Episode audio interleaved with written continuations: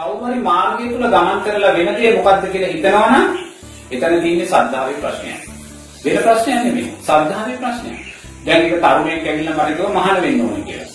මම කිව්වා අම්මා තාත්තා කැමතිද? තාත්තා නෑ කිව්වා.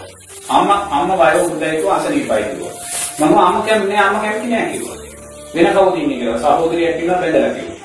මං කිව්වා පුතේ අම්මා අකමැති නම් පැවිදි වෙන්න සුදුසු නැහැ. අම්මා අකමැති වෙන්නේ හේතුවක් නිසා. තේරෙනවද? අම්මා අකමැති වෙන්නේ හේතුවක් නිසා. ඉතින් අම්මා අකමැත්තෙන් පැවිදි කරන්න බෑ. මොකද ඒ දරුවා රස්සාවක් කරලා ආදායමක් ගන්න කෙනෙක්.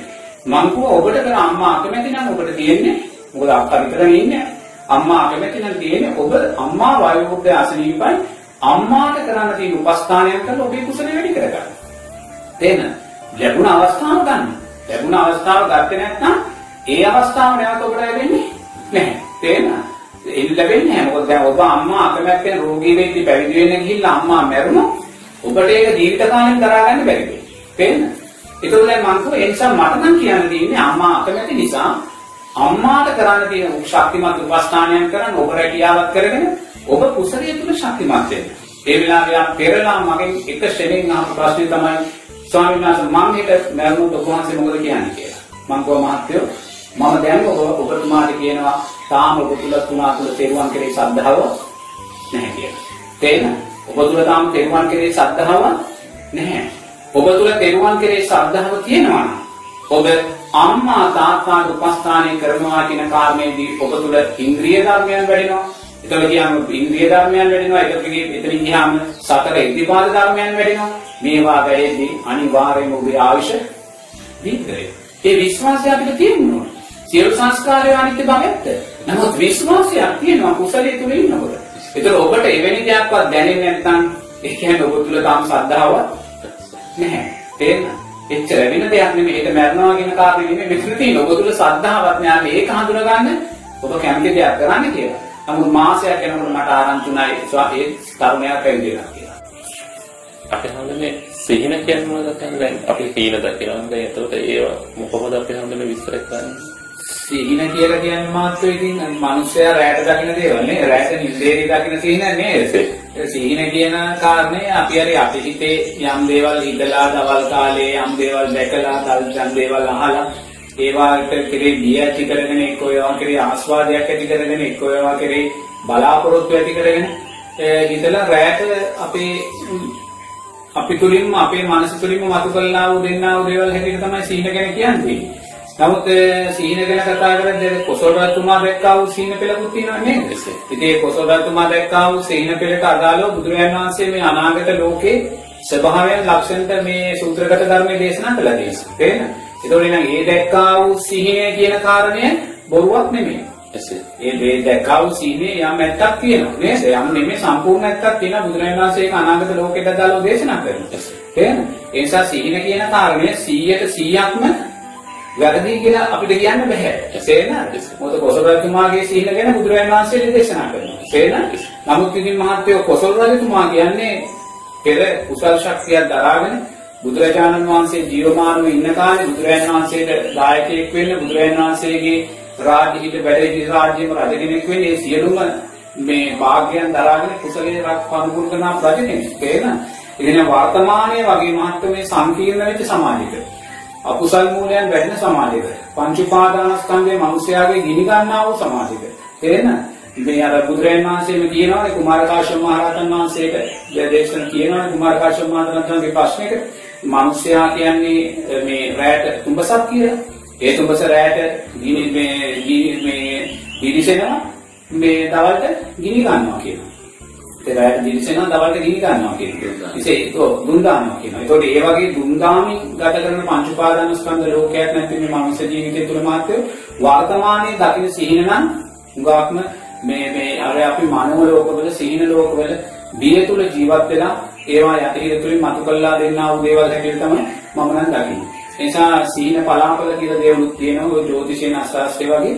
නමුත් ඒවා නම් මහත්වෝ මේ කොතනකවත් 100ට 100ක් නිවැරදි කියලා මම නම් කියන්නේ නැහැ. තේන්න ඒ නිසා නිරේතුරුවම මොන සීනිය අපි දැක්කත් අපිට කරන්න තියෙන්නේ ඒ සීනෙන් අවදි වෙච්ච තැන ඒ දැක්කා වූ සීනිය අනිත්‍යයි කියලා දකින්න. මොකද සංසාරයේ පටිච්ච සමුප්පන්නව අපි සීන කෝටි ගණන් දැකලා ඇති නේද? නමුත් ඒ සෑම සීනයක්ම අනිත්‍ය භාවයට පත් වෙලා ගියා. ඒ නිසා වර්තමානයේ වුණත් අපි සීනයක් දකිනවා නම් අපි දක්ෂ වෙන්න ඕනේ සීනය තුලින් ධර්මය දකින්න.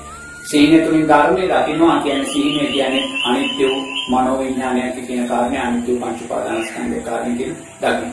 ඒ දකින්න වෙලාවේ මාත්‍ර සීනය අපිට ධර්මයක් බවට පත් කරගන්න පුළුවන්. තේරෙනවද? එහෙම නැතුව සිහින පස්සේ අපි හබාගෙන යන්න ගියොත් ඒ අපි හබාගෙන යන්නේ මාත්‍ර අනාගත පංච උපාදානස්කන්ධේ පස්සේ. තේරෙනවද? අනාගත පංච උපාදානස්කන්ධේ අපි හබාගෙන යනවා. ඒ නිසා අපි නුවණින් දකින්න දක්ෂ වෙන්න ඕනේ වර්තමාන පංච උපාදානස්කන්ධය අනිත්‍ය දෙයක්. ඒ කියන්නේ වර්තමානයේ මේ පවතිනා වූ මේ අධ්‍යාත්මික රූපයක් මේ අධ්‍යාත්මික රූපයට අරමුණු වෙන්නා වූ සියලු බාහිර රූපයක් අනිත්‍ය ධර්මතාවය. ඒ බාහිර රූපයන් නිසා සකස් වෙන්නා වූ පස්ස වේදනා සංඥා සංකාර විඥානයන් කියන්නේ අනිත්‍ය වෙලා යන ධර්මතාවය. තේරුණා? එහෙනම් මේ වර්තමාන පංච උපාදානස්කන්ධයට අනිත්‍ය නම් අතීතයේ සකස් වුණා වූ සෑම පංච උපාදානස්කන්ධයක්ම අනිත්‍ය දෙයක්මයි. අතීතයේ සක්විති රජ වෙලා සකස් වුණා වූ පංච උපාදානස්කන්ධයන් අනිත්‍ය වුණා නම් මහත්යෝ අද අපි රාත්‍රියේ දකින සිහිනෙන් මම රජ කෙනෙක් වුණ වෙනවා කියන සිහිනෙට බැඳෙන්න අවශ්‍යතාවය නැහැ. මොකද අතීතයේ සක්විති රජ කෙනෙක් ජීවමාන වුණා සිහිනයක් ඇටියට නෙමෙයි ඒ සක්විති රජ රූපේ අනිත්‍ය වෙලා ගියා. අතීතයේ අපි හෙට මං දෙවියෙක් වෙනවා කියලා සිහිනෙන් දැක්කොත් ඒකට බැඳෙන්න දෙයක් නැහැ. මොකද අතීතයේ සක්‍රියා කියලා අපි ජීවමාන සක්‍රියා බවට පත් වුණා. ඒ සත්ව ජීවිතේ අනිත්‍ය නම් අද රාත්‍රියට අපි දෙවියෙක් වෙනවා කියලා දැක්කා වූ දෙයට බැඳෙන්න අවශ්‍යතාවය එනිසා සිහිනයක් තුළින් අපිට දකින්න තියෙන එකම එක දෙයයි සිහිනය ධර්මයක් බවට පත් කරගන්න. සිහිනය ධර්මයක් බවට පත් කරගන්නවා කියන දැක්කා වූ සිහිනය ගැන අපි හිතන්නේ නැහැ. හැම වෙලාවෙම මේ සිහිනය අනිත්‍ය වූ මනෝවිඥානය කියලා දකින්න. එතනදි සිහිනය ධර්මයක් බවට විදර්ශනාමය ධර්මයක් බවට පත් කරගන්න. ඉන්නේ අපි කවදා හරි සිහින දැකීමෙන් තොර වෙනවා කියන මාත්‍යෝ අපි කවදා හරි රහත් ඵලයට පත් වෙන වෙලාවේ ඒ රහතන් වහන්සේ කවදාකවත් සිහින දකින්නේ නැහැ. උන්වහන්සේ අතීත වර්තමාන අනාගත කියන තුන් කාලෙම ඒ අතීත අනාගත වර්තමාන කියන පංච උපාදාන ස්කන්ධයන් තුන අනිත්‍ය වශයෙන් අවබෝධ කරගත්ත කෙනෙක්. තේරෙන? උන්වහන්සේට හිත පිළිබඳ බලාපොරොත්තු නැහැ. හිත පිළිබඳ සැලසුම් ගොඩා තෘෂ්ණාවෙන් බැඳුනා වූ සැලසුම් නැහැ. හෙට උන්වහන්සේට සැලස්මක් තියෙනවා මම මේ කුටිය අතහැරලා යනවා කියලා. නමුත් මාත්‍ර ඒ වෙනුවෙන් උන්වහන්සේගේ තෘෂ්ණාව ඇලින් ගැටීම් උපේක්ෂාවක් නැහැ. තේරෙන? උන්වහන්සේ අනාගතේ ප්‍රාර්ථනා කරන්නේ බලාපොරොත්තු මට මේවා ලැබේවා කියලා තියෙනා වූ තෘෂ්ණාවක් උන්වහන්සේලාට. ඒ නිසා උන්වහන්සේලා සීන දැකීමෙන් මිදුණා වූ පිරිසක් කියලා බුදුරජාණන් වහන්සේ දේශනා කරනවා. තේරෙනවද? ඉතින් මෙහා ඉතින් මිනිස්සු සීන දකිනවා. නමුත් ඒ දකින්නා වූ සීන සමහර දේවල් ඇත්ත වෙන්න පුළුවන්. මොකද කොසල් රජතුමාගේ සීන ඇත්තක් බවට බුදුරජාණන් වහන්සේ දේශනා කළා. තේරෙනවද? ඒ නිසා නමුත් ඇත්ත නැත්ත හොයන බුදුරජාණන් වහන්සේ නමක් ලෝකේ නැහැ. එහෙනම් අපි කාගේ හරි දැක්කා වූ සීනයක් මේක ඇත්තද කියලා අහන්න යන්නේ මහත්යෝ තවත් සීන දකින කෙනෙක්ගෙන්මයි. තේරෙනවද? ඒ නිසා තවත් සීන දකින කෙනෙක්ගෙන් අපි ඇත්ත නැත්ත අහන්න කියන තේරුම ඒ නිසා අපිට වර්තමානයේ සීනයක් තුලින් කරන්න ඕනේ සීනය තුලින් ධර්මයක් දකින කාරණේද. එච්චරයි. රහතන් වහන්සේ සිහින දකින්නේ රහතන් වහන්සේ සීන දකින්න විදිහක් නෑ මාත්‍ය. මොකද රහතන් වහන්සේ අතීත වර්තමාන අනාගත තුන් කාලෙම මේ අවබෝධයෙන්ම අනිත්‍ය වශයෙන් දැකපු කෙනෙක්. ඒ වගේම රහතන් වහන්සේ පංච නීවරණයන් තුල නින්දක් සකස් වීම නෑ. සප්ත බොජ්ජංග තුල සකස් වෙන නින්දක් තමයි කියන්නේ. ඒ නිසා රහතන් වහන්සේට සීන දකින්න විදිහක් නෑ. සීන දකින්නවා නම් ඒ අනිවාර්යයෙන් මේ දකින්නා වූ සීන මාර්ගය පංච උපාදානස්කන්ධ මේ මේ සප් මේ පංච නීවරණ තුල ඇති කර ගන්නා වූ නින්දකින්ම තමයි අපි සීන දකින්නේ. ඒ අපි හොඳින් ගිහි පිළිත සම්බන්ධ වහන්සේ ප්‍රකාශ මෙහෙමයි මත් ගිහි පිළිත කියන කාරණේ දැන් ඔය මම දැන් මේ ගම්මානික ඉන්නේ. දැන් මට මේ වස් සමාදන් වෙන්න වෙලා මම මාස දෙකක් දැන් ගෙවිලා ඉවරයි. මම මට ගිහි පිළිත් කොහොමද තුනක් වගේ ඇහිලා තියෙනවා. ඒ වටේ පිටාවේ ගිහි පිළිත් තුනක් වගේ ඇහිලා තියෙනවා. ඒ කියන්නේ දැන් ගම්මානවල කොළඹ නගර නගරාසන්වත් එහෙමයි ගිහි පිළිත කියන කාරණේ ගොඩාක් ප්‍රචලිතව තියෙනවා. ඒතර ගිහි පිළිත් ප්‍රචලිත වෙන්නත් හේතුවක් තියෙනවා. හොඳද? ගිහි පිළිත් ප්‍රචලිත වෙන්න හේතුඵල ධර්මයක්. තේන්න ශාසනයේ දුර්වලතාවයන් සිද්ධ වෙන්න සිද්ධ වෙන්න ඒ දුර්වලතාවයන්ට අදාළව තමයි හේතුඵල ධර්මයක් සකස් වෙන්නේ. ඒතකොට මේ මොහොතේ ගිහි පිළිත් වේගයෙන් වර්ධනය වෙනවා කියන කාරණේ කාටවත් වැරද්දක් පවරන්න බෑ. දොස් කියන්නත් බෑ ඒක හේතුඵල ධර්මයක්. තේන්න දැන් අපි පුංචි කාලේ අපි නම් තරුණ කාලේ ගිහි පිළිතක් කියන කාරණයක් අපි අහලා තිබෙන්නේ නැහැ. තේන්න මහා සංඝරත්නය පිළිත් කියනවා. තේන්න එතකොට දැන් ක්‍රමානුකූලව මහත්ව මහා සංඝරත්නය උවමනාවෙන් මේ වගකීමෙන් ක්‍රමානුකූලව බැහැර වෙනවා. තේරෙනවද? හැම ස්වාමීන් වහන්සේ නම නෙමෙයි ඈ.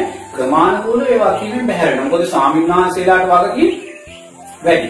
තේරෙනවද? රටේ වේවා, ජාතියේ වේවා, ආගමේ වේවා, පන්සලේ වේවා, තමන්ගේ වෘත්තීය ක්‍රියාමාර්ගයේ වේවා කියන වගකීම් වැඩි. ඒක මේ වගකීම් වැඩි වෙන වැඩි වෙන මාත්‍ර ස්වාමීන් වහන්සේලා මුළු රැයක් නිදිවරාගෙන පිළිත් කියන්නේ යොමු වෙන්නේ නැහැ. තේරෙනවද? විශේෂයෙන්ම පිළිත් තුඟාක් යොදාගන්නේ නිවන් දවසේ. ඒ නිසා පහවදා දහම් පාසල්. එහෙම නැත්නම් පහවදා පිළිවෙල. මෙවැනි හේතුන් නිසා ක්‍රමානුකූලව ඒවා ස්වාමීන් වහන්සේලාගෙන් මගහැරෙනවා.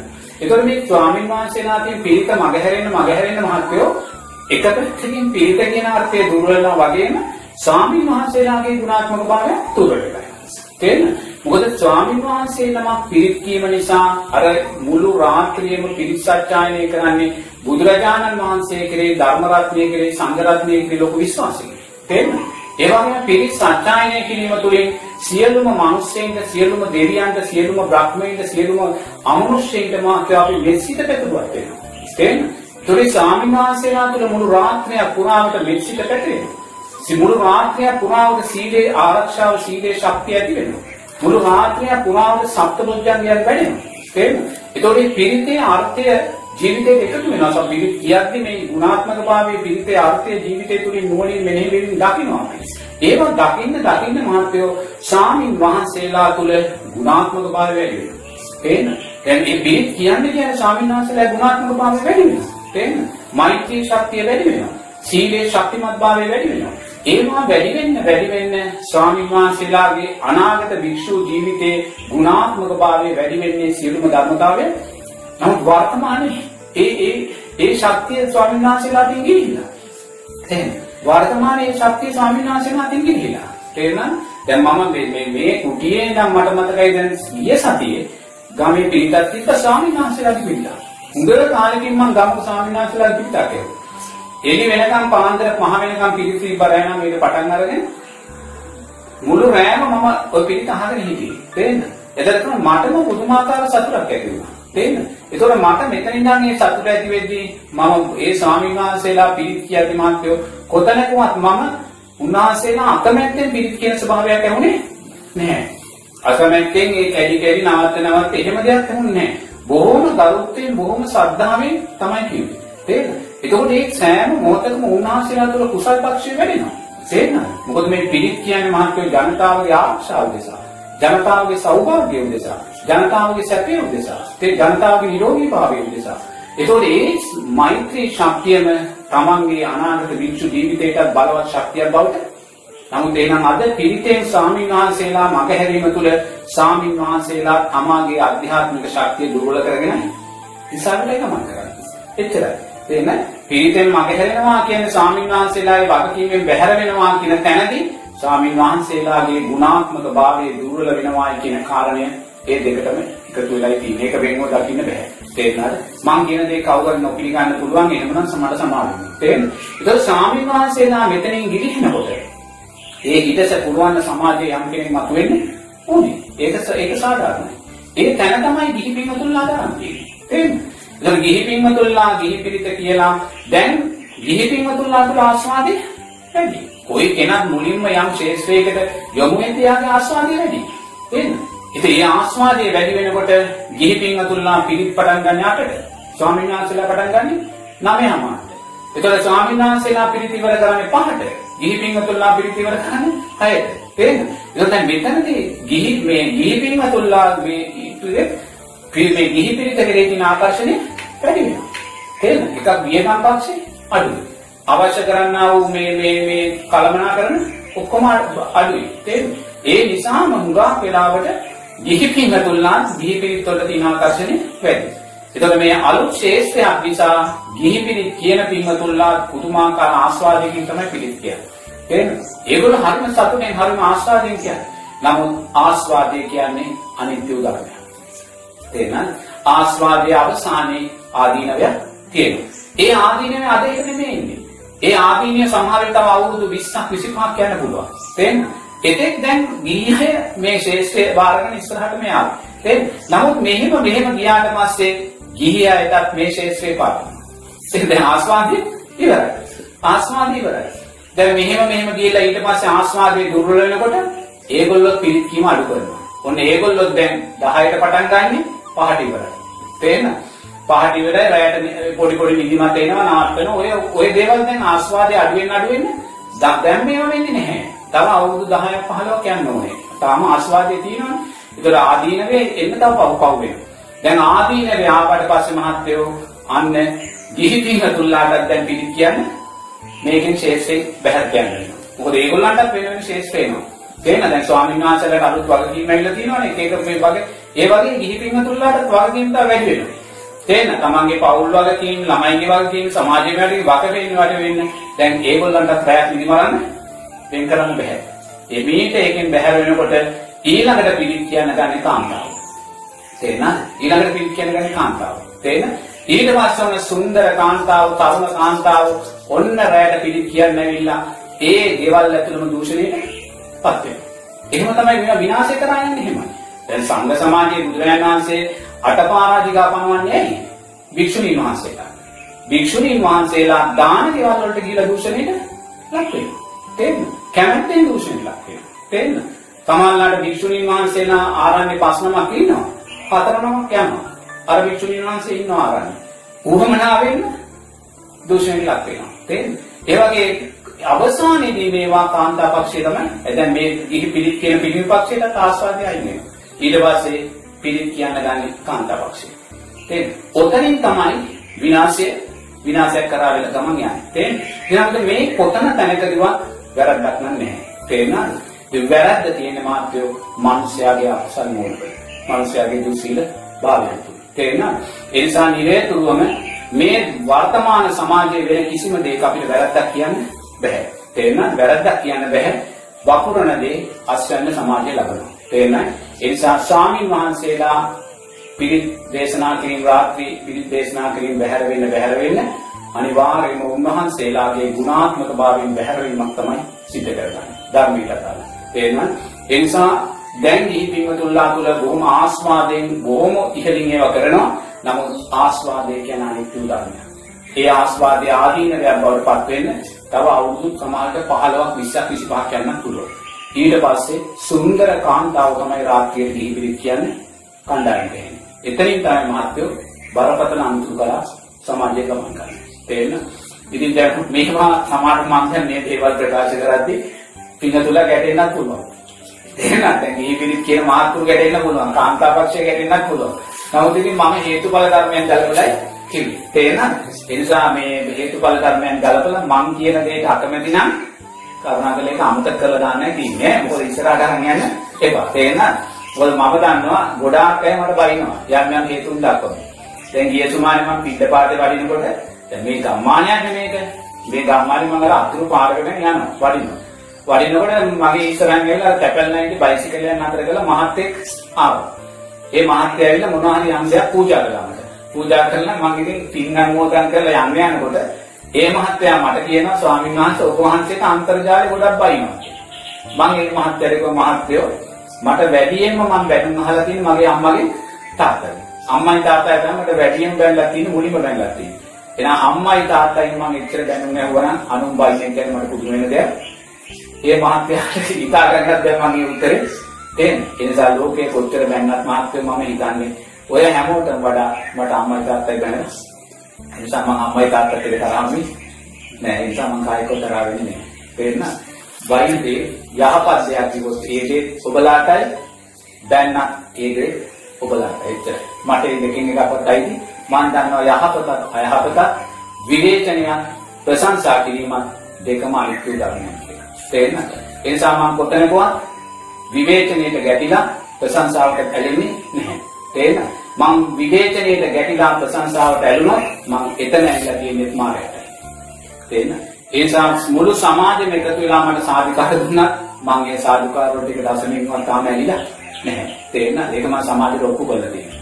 එහෙනම් ඒ ප්‍රශංසාවට ඇලෙන්නේ නැහැ වගේ මම දන්නවා ප්‍රශංසාවයි ති මායයටයි විවේචනයයි ති මායයටයි. තේරෙනවද? එහෙනම් ප්‍රශංසාව විවේචනය දෙකම කෙරෙහි තියෙන ඇලීම් ගැටීම් උපේක්ෂාවන් බැහැර වෙච්ච තැන මාත්‍යෝ අපි විවේචනය ප්‍රශංසාවක් තුළින් ධර්මය ජීවිතයට එකතු කරගත්ත කෙනෙක් බවට පත් වෙනවා. එන්න එතෙන්ට තමයි අපි ඉන්නවා.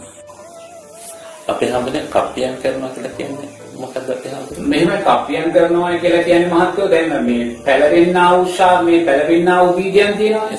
දැන් අපි කියමු අඹ ගෙඩියක්.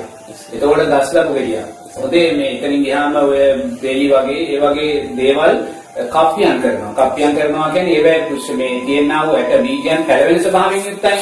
ඉතින් ඒ නිසා කප්පියම් කරනවා කියන්නේ අපි දැන් ආම්දුර කෙනෙකුට කවුරු හරි එවැනි දෙයක් පූජා කළොත් එහෙම පැලවෙන ඇට සහිත ආහාරයක් තියෙන දෙයක් ඒක අපි කියන කප්පියම් කරන්න කියලා.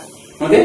එතකොට ඒ ගිහිගෙනා පීයකින් හෝ එහෙම නැත්නම් හැන්දකින් හෝ මිනිහෙකුත් එන්නත් ප්‍රශ්නයක් නැහැ. මිනිහ සඳහන් වෙනවා. නියපෙත්තෙන් උනත් මේව කප්පියම් බන්තේ කප්පියම් බන්තේ කප්පියම් බන්තේ කියලා තුන් පාර අපිට කරලා ඒක දෙන්න ඕනේ. තේරෙනවද? එතකොට තමයි ඒක අපිට කැප. තේරෙනවද? එතකොට කප්පියම් නොකර අපි දෙයක් වැළඳුවොත් අපිට ඒක විනය මේ ඇවැත් දේශනා කරන වෙලාවේ ඇවැත් ඇවැත් දේශනා කරලා පිළිසු වෙන්න පුළුවන්. තේරෙනවද? නමුත් දැන් ඒවා මාත්‍රෝ සමාජයේ හුඟ වෙලාවට මේ අන්තියට අරන් යන ස්වභාවයක් තියෙනවා. අන්තියට.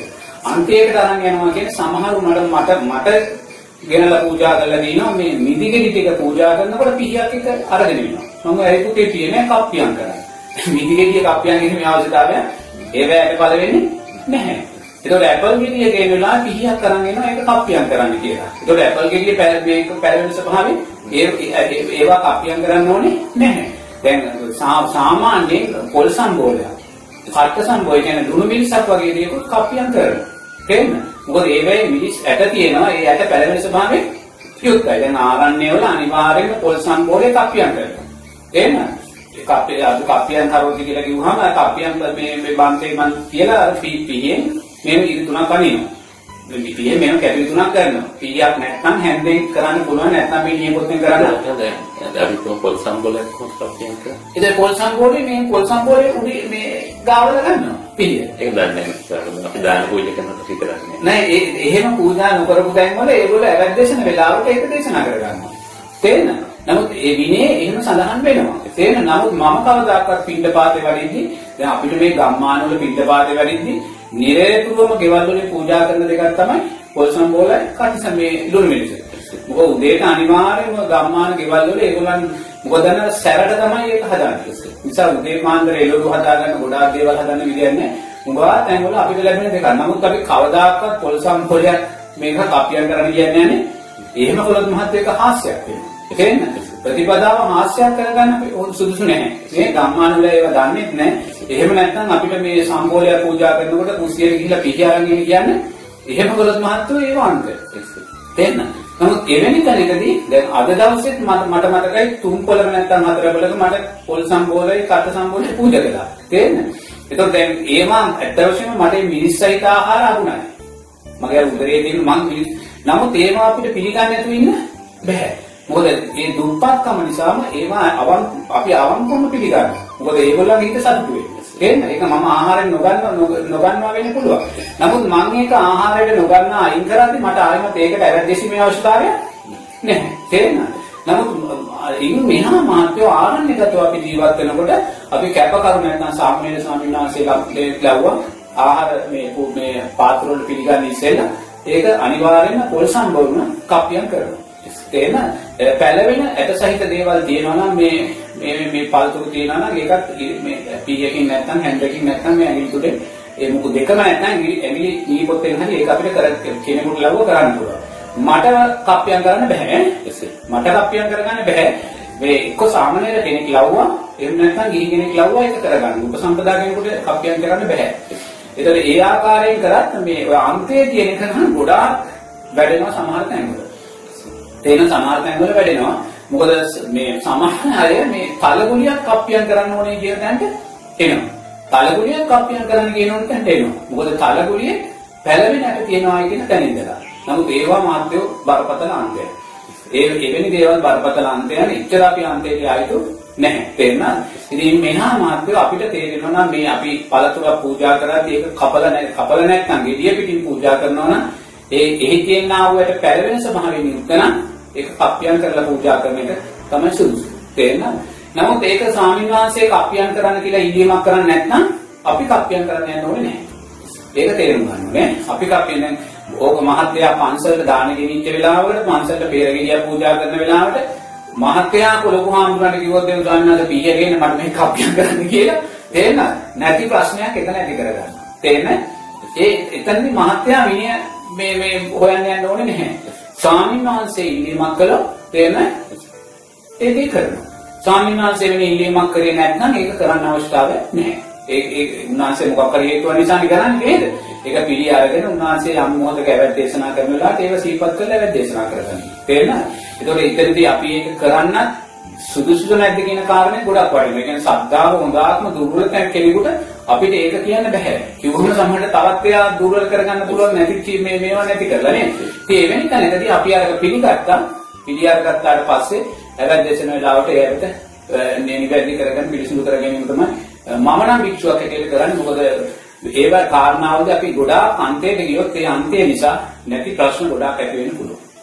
අපි අනේ ඒකට ඒක අපෙන් කරන එක ස්වාමීන් වහන්සේ ඉදිරියේදීම කරන්න ඕනේ නැත්නම් අපිට නෑ නෑ ස්වාමීන් වහන්සේ ඉදිරියේදීම මේ කරනවා කියන කාරණේ නැහැ. අවල්දන ස්වාමීන් වහන්සේ ඉදිරියේදීම කරන්න යුතුයි කියලා කියන්නේ නැහැ. දැන් අපි ආරණ්‍යක නම් ඒ දානශාලා බාර වෙන ස්වාමීන් වහන්සේ ගිහි කෙනෙකුට කියලා නැත්නම් සාමාන්‍ය කෙනෙකුට කියලා කප්පියන් කරනවා. ඒ කප්පියන් කළාට පස්සේ අපිට ආයිමත් ඒක හදාලා නැහැ. දැන් කප්පියන් කරලා මේ ස්වාමීන් වහන්සේ කෙනෙක් දකින්න ඕනේ. ඔව් ස්වාමීන් වහන්සේ උපසම්පදා භික්ෂුවක් ඉන්නවනේ. උපසම්පදා භික්ෂුවක් ඉදිරියේ තමයි මේ කප්පියන් කරන්නේ. තේන්න? උපසම්පදා භික්ෂුවක් නැතුව ගිහි කෙනා තනියම කප්පියන් කරලා කියලා තේරෙන්න බෙහෙම බෑ. තේන්න? එහෙමනම් ගිහි කෙනා පළතුරු කපලා දෙන්න ඕනේ අපිට. ඒ කැපුවට පස්සේ කරන්න අවශ්‍ය නැහැ. ආ කැපුවට පස්සේ අවශ්‍ය නැහැ. ඒක කපලා නෙදීනේ. කපලා කියන්නේ ඉතින් ඒක කප්පියන් කරලා නෙමෙයි. ගානෙමත් ඒක මේ අවශ්‍යතාවයක් නැහැ. එයා කපලා නෙදීනේ. තේන්න? ඉතින් මෙහා නම් අපි කපනවා නම් මහත්ව ඒක කප්පියන් කිරීම තමයි විනයානුකූල කළ යුත්තේ. මොකද බුදුරජාණන් වහන්සේ විනයානුකූලව යමක් කරන්න කියලා තියෙනවනම් ඒක අපි අනිවාර්යෙන් කරන්න ඕනේ. මොකද යම් හේතුවක් නිසා එහෙම කියලා තියෙනවා.